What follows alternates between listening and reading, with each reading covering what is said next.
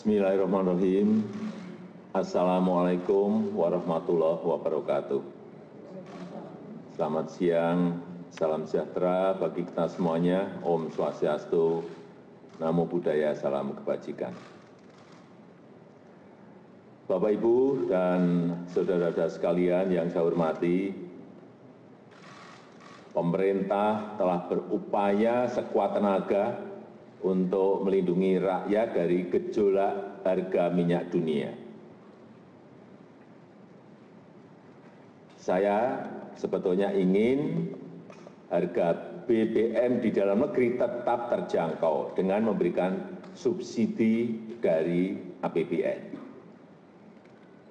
tetapi anggaran subsidi dan kompensasi bbm tahun 2022 telah meningkat tiga kali lipat dari satu ratus lima puluh dua lima triliun menjadi lima ratus dua empat triliun rupiah. Dan itu akan meningkat terus. Dan lagi lebih dari tujuh puluh persen subsidi justru dinikmati oleh kelompok masyarakat yang mampu yaitu pemilik mobil mobil pribadi. Mestinya uang negara itu harus diprioritaskan untuk memberikan subsidi kepada masyarakat yang kurang mampu. Dan saat ini pemerintah harus membuat keputusan dalam situasi yang sulit ini adalah pilihan terakhir pemerintah. Yaitu mengalihkan subsidi bbm sehingga harga beberapa jenis bbm yang selama ini mendapat subsidi akan mengalami penyesuaian. Dan sebagian subsidi bbm akan dialihkan untuk bantuan yang lebih tepat sasaran. Bantuan langsung tunai blt bbm sebesar dua belas empat triliun rupiah yang diberikan kepada dua puluh enam puluh lima juta keluarga yang kurang mampu sebesar satu ratus lima puluh ribu rupiah per bulan dan mulai diberikan bulan September selama empat bulan. Pemerintah juga menyiapkan anggaran sebesar rp 9,6 triliun rupiah untuk 16 juta pekerja dengan gaji maksimum tiga lima juta rupiah per bulan dalam bentuk bantuan subsidi upah yang diberikan sebesar rp 600 ribu rupiah. Saya juga telah memerintahkan kepada pemerintah daerah untuk menggunakan dua persen dana transfer umum sebesar dua tujuh belas triliun rupiah untuk bantuan angkutan umum, bantuan ojek online, dan untuk nelayan. Pemerintah berkomitmen agar penggunaan subsidi yang merupakan uang rakyat harus tepat sasaran. Subsidi harus lebih menguntungkan masyarakat yang kurang mampu. Selanjutnya, saya minta Menteri SDM, Menteri Keuangan, dan Menteri Sosial untuk bisa memberikan penjelasan yang lebih rinci. Terima kasih. Wassalamualaikum warahmatullahi wabarakatuh. Silakan, Pak Menteri. Bismillahirrahmanirrahim. Assalamualaikum warahmatullahi wabarakatuh. Hari ini tanggal 3 September tahun 2022 pukul 13.30 pemerintah memutuskan untuk menyesuaikan harga BBM subsidi antara lain Pertalite dari Rp7.650 per liter menjadi Rp10.000 per liter Kemudian solar subsidi dari Rp5.150 per liter menjadi Rp6.800 per liter. Pertamax non subsidi dari Rp12.500 per liter menjadi Rp14.500 per liter.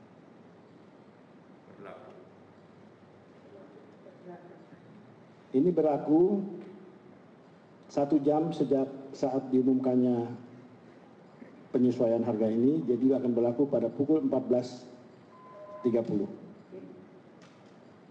waktu Indonesia bagian Barat. Terima kasih.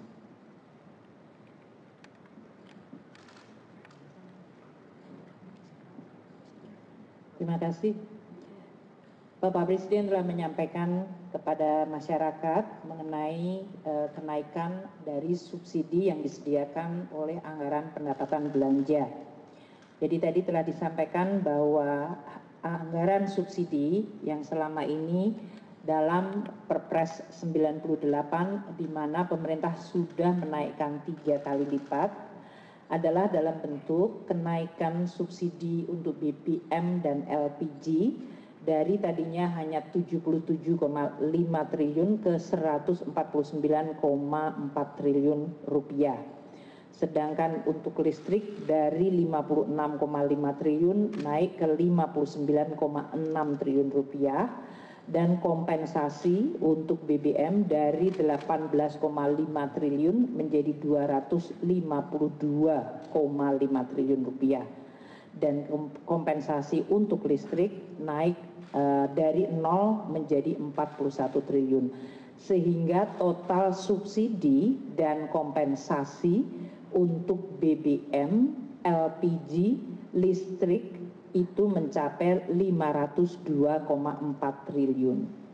Angka 502,4 triliun dihitung berdasarkan rata-rata dari ICP yang bisa mencapai 105 dolar per barel dengan kurs 14.700 rupiah per dolar Amerika dan volume dari Pertalite yang diperkirakan akan mencapai 29 juta kiloliter sedangkan volume dari solar bersubsidi adalah 17,44 juta kiloliter.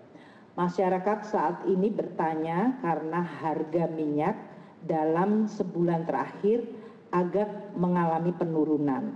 Kami terus melakukan penghitungan dengan harga minyak ICP yang turun ke 90 dolar sekalipun, maka subsidi masih akan atau harga rata-rata satu tahun ICP itu masih di 98,8 atau hampir 99 dolar atau kalaupun harga minyak turun sampai di bawah 90 maka keseluruhan tahun rata-rata subsidi eh, rata-rata ICP Indonesia masih di 97 dolar.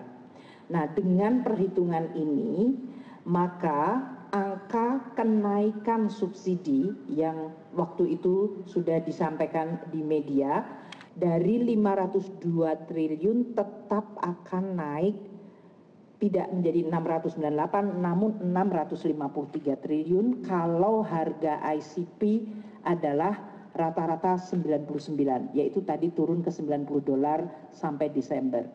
Sedangkan kalau harga ICP di 85 sampai Desember, maka kenaikan subsidi akan tetap uh, yaitu 502 triliun menjadi 640 triliun. Ini adalah kenaikan 137 triliun atau 151 triliun tergantung dari harga ICP. Perkembangan dari ICP ini harus dan akan terus kita uh, monitor karena memang suasana geopolitik dan suasana dari proyeksi ekonomi dunia masih akan sangat dinamis. Kami akan terus mengalokasikan subsidi bagi masyarakat tadi antara 591 apabila harga ICP-nya ada di 85 atau 605 triliun apabila harga ICP di 99. Apabila harga ICP di atas 100, maka total subsidi kepada masyarakat dalam bentuk BBM masih akan mencapai 649 triliun. Inilah yang tadi disampaikan oleh Bapak Presiden, maka sebagian dari tadi belanja yang tadinya adalah untuk keseluruhan subsidi adalah digunakan untuk memberikan bantuan sosial kepada masyarakat. Kita juga akan memantau dampak inflasi dan pertumbuhan ekonomi serta kemiskinan dari kenaikan BBM yang diumum, diumumkan oleh Bapak Menteri ESDM. Kita perkirakan dengan adanya bansos yang diberikan tambahan 24,17 triliun, maka kita bisa menahan pertambahan jumlah kemiskinan sehingga tetap bisa kita jaga dan bahkan kita upayakan menurun melalui program-program pemerintah lainnya. Demikian Bapak Presiden, terima kasih.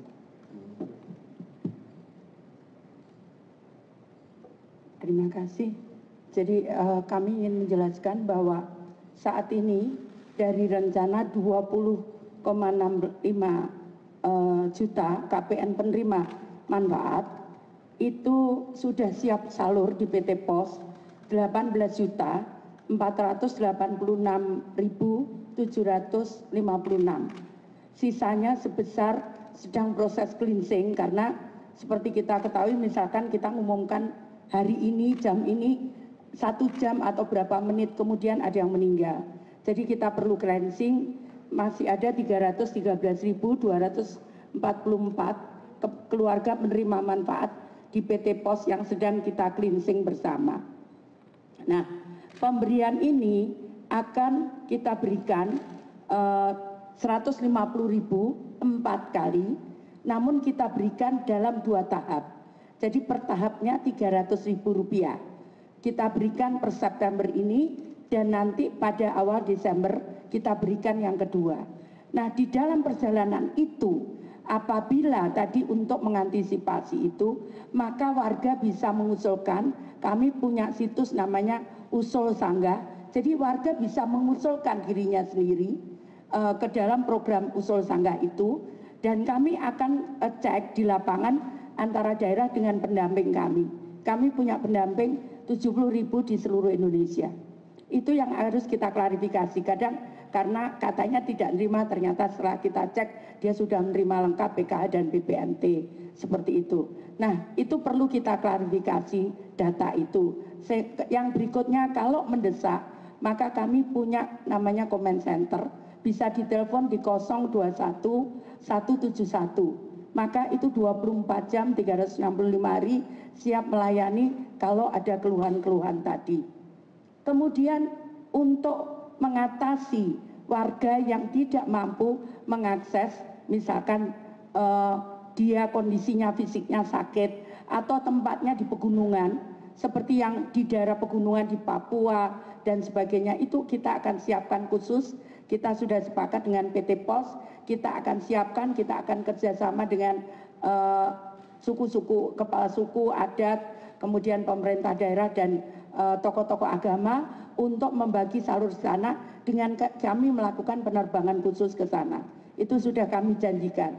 Uh, dan bagi warga yang sakit, yang disable, yang uh, yang mungkin juga tidak perlu tak, datang ke kantor pos, cukup di rumah, maka PT Pos akan mengantar ke rumah.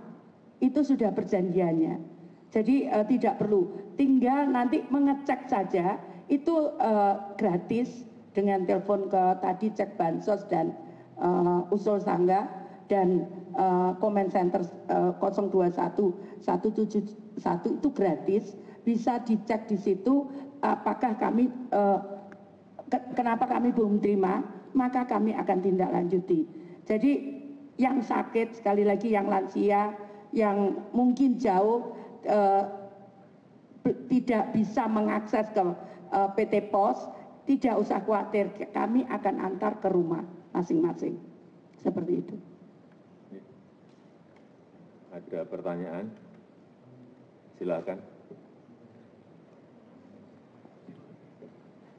Baik, terima kasih Pak Jokowi dan Bapak Ibu. Saya Yasin dari TV One. Pak, yang pertama kira-kira nanti proyeksinya dengan metode seperti ini bisa tepat sasarannya berapa persen? Dari tadi kan tidak tepat sasaran kita kan 70 persen. Dengan metode ini harapannya bisa menurunkan supaya bisa tepat sasaran berapa persen. Kemudian selanjutnya setelah uh, ini kan sampai Desember Pak, apakah nanti tahun depan akan ada anggaran baru lagi untuk subsidi atau seperti apa? Terima kasih. Jadi uh, bantuan sosial ini setiap bulan sesuai dengan Undang-Undang Nomor 13 Tahun 2011 itu kami perbaiki setiap bulan. Jadi uh, di Undang-Undang itu sebetulnya satu tahun dua kali. Tapi karena uh, kondisi perubahan di daerah itu cukup pesat, maka kemudian kita melakukan perubahan setiap bulan. Jadi setiap bulan saya membuat SK baru dan itu masukan dari daerah dan usul tangga tadi. Jadi masyarakat bisa mengusulkan sendiri. Nanti kita memang harus kita verifikasi karena kalau tidak kita verifikasi nanti tidak sesuai juga. Jadi tetap kita verifikasi. Nah itu masukan itu kita perbarui setiap bulan. Itu dari daerah. Karena memang di Undang-Undang Nomor 13 tahun 2011 itu kemenangan data itu ada di daerah. Gitu. Daerah memang harus mengupdate setiap bulan ada yang meninggal. Kami juga cross dengan data kependudukan dan sebagainya. Jadi kalau dengan data kependudukan clear kita dapat kita juga dapat penilaian dari KPK cukup bagus soal ini. Seperti itu. Tadi pertanyaannya kalau dengan kenaikan apakah uh, perbaikan dari alokasi uh, subsidi BBM akan menjadi lebih baik. Jadi subsidi kalau memang melalui komoditas yang tadi saya sampaikan bahwa dengan adanya kenaikan harga BBM tadi sekitar di 100 dolar atau bahkan kalaupun turun ke 95 dolar maka jumlah subsidi BBM dan listrik masih akan sebesar 647 triliun atau 653 triliun kalau harganya agak menurun sedikit seperti sekarang sampai Desember dana subsidi ini memang masih akan dinikmati oleh mereka yang punya mobil. Jadi memang subsidi yang melalui komoditas seperti BBM tidak bisa dihindarkan pasti dinikmati oleh kelompok yang memiliki kendaraan yang mengkonsumsi subsidi tersebut. Oleh karena itu memang untuk menciptakan keadilan yang lebih baik kita memberikan kepada kelompok 40% terbawah. Tadi yang oleh Bu Risma 20,67 juta itu adalah 30% masyarakat termiskin. Kemudian yang dari Ibu Menaker untuk 16 juta itu kira-kira bisa mengcover hampir mendekati 50% masyarakat yang uh, dalam uh, posisi ekonomi terbawah. Itulah yang disebutkan 24,17 juta adalah untuk mereka.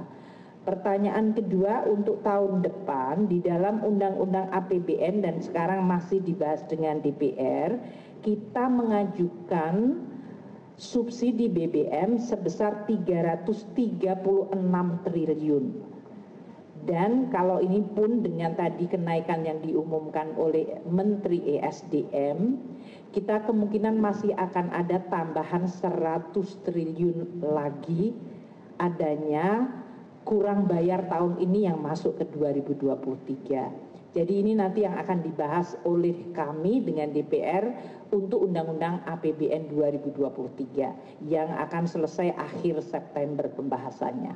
Namun Presiden Jokowi telah menyampaikan di dalam nota keuangan RUU APBN tahun 2023 itu sudah dicadangkan 336 triliun rupiah untuk subsidi BBM.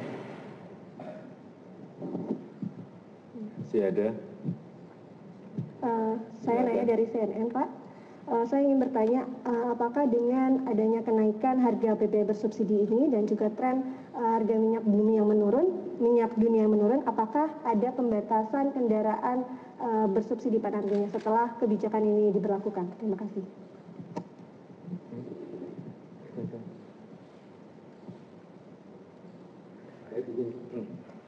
Eh, harga minyak memang trennya turun naik tiap hari.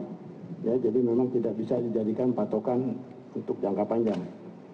Nah, mengenai eh, ketepatan alokasi subsidi ini, ya tadi tadi disampaikan oleh Ibu Menku bahwa banyak dari masyarakat yang masih menggunakan BBM subsidi meskipun tergolong mampu. Nah ini tentu saja di lapangan sudah dilakukan akan dilakukan pengawasan-pengawasan ya dan juga Pertamina sedang menyiapkan sistem pengawasan pengaturan dengan digitalisasi. Nah ini diharapkan dengan metode ini mekanisme ini kita bisa lebih mempertajam ketepatan pemanfaatan BBM subsidi ini untuk yang membutuhkan. Demikian. Ibu. Saya kira tadi sudah jelas semuanya disampaikan oleh para menteri dan saya tutup. Assalamualaikum warahmatullahi wabarakatuh.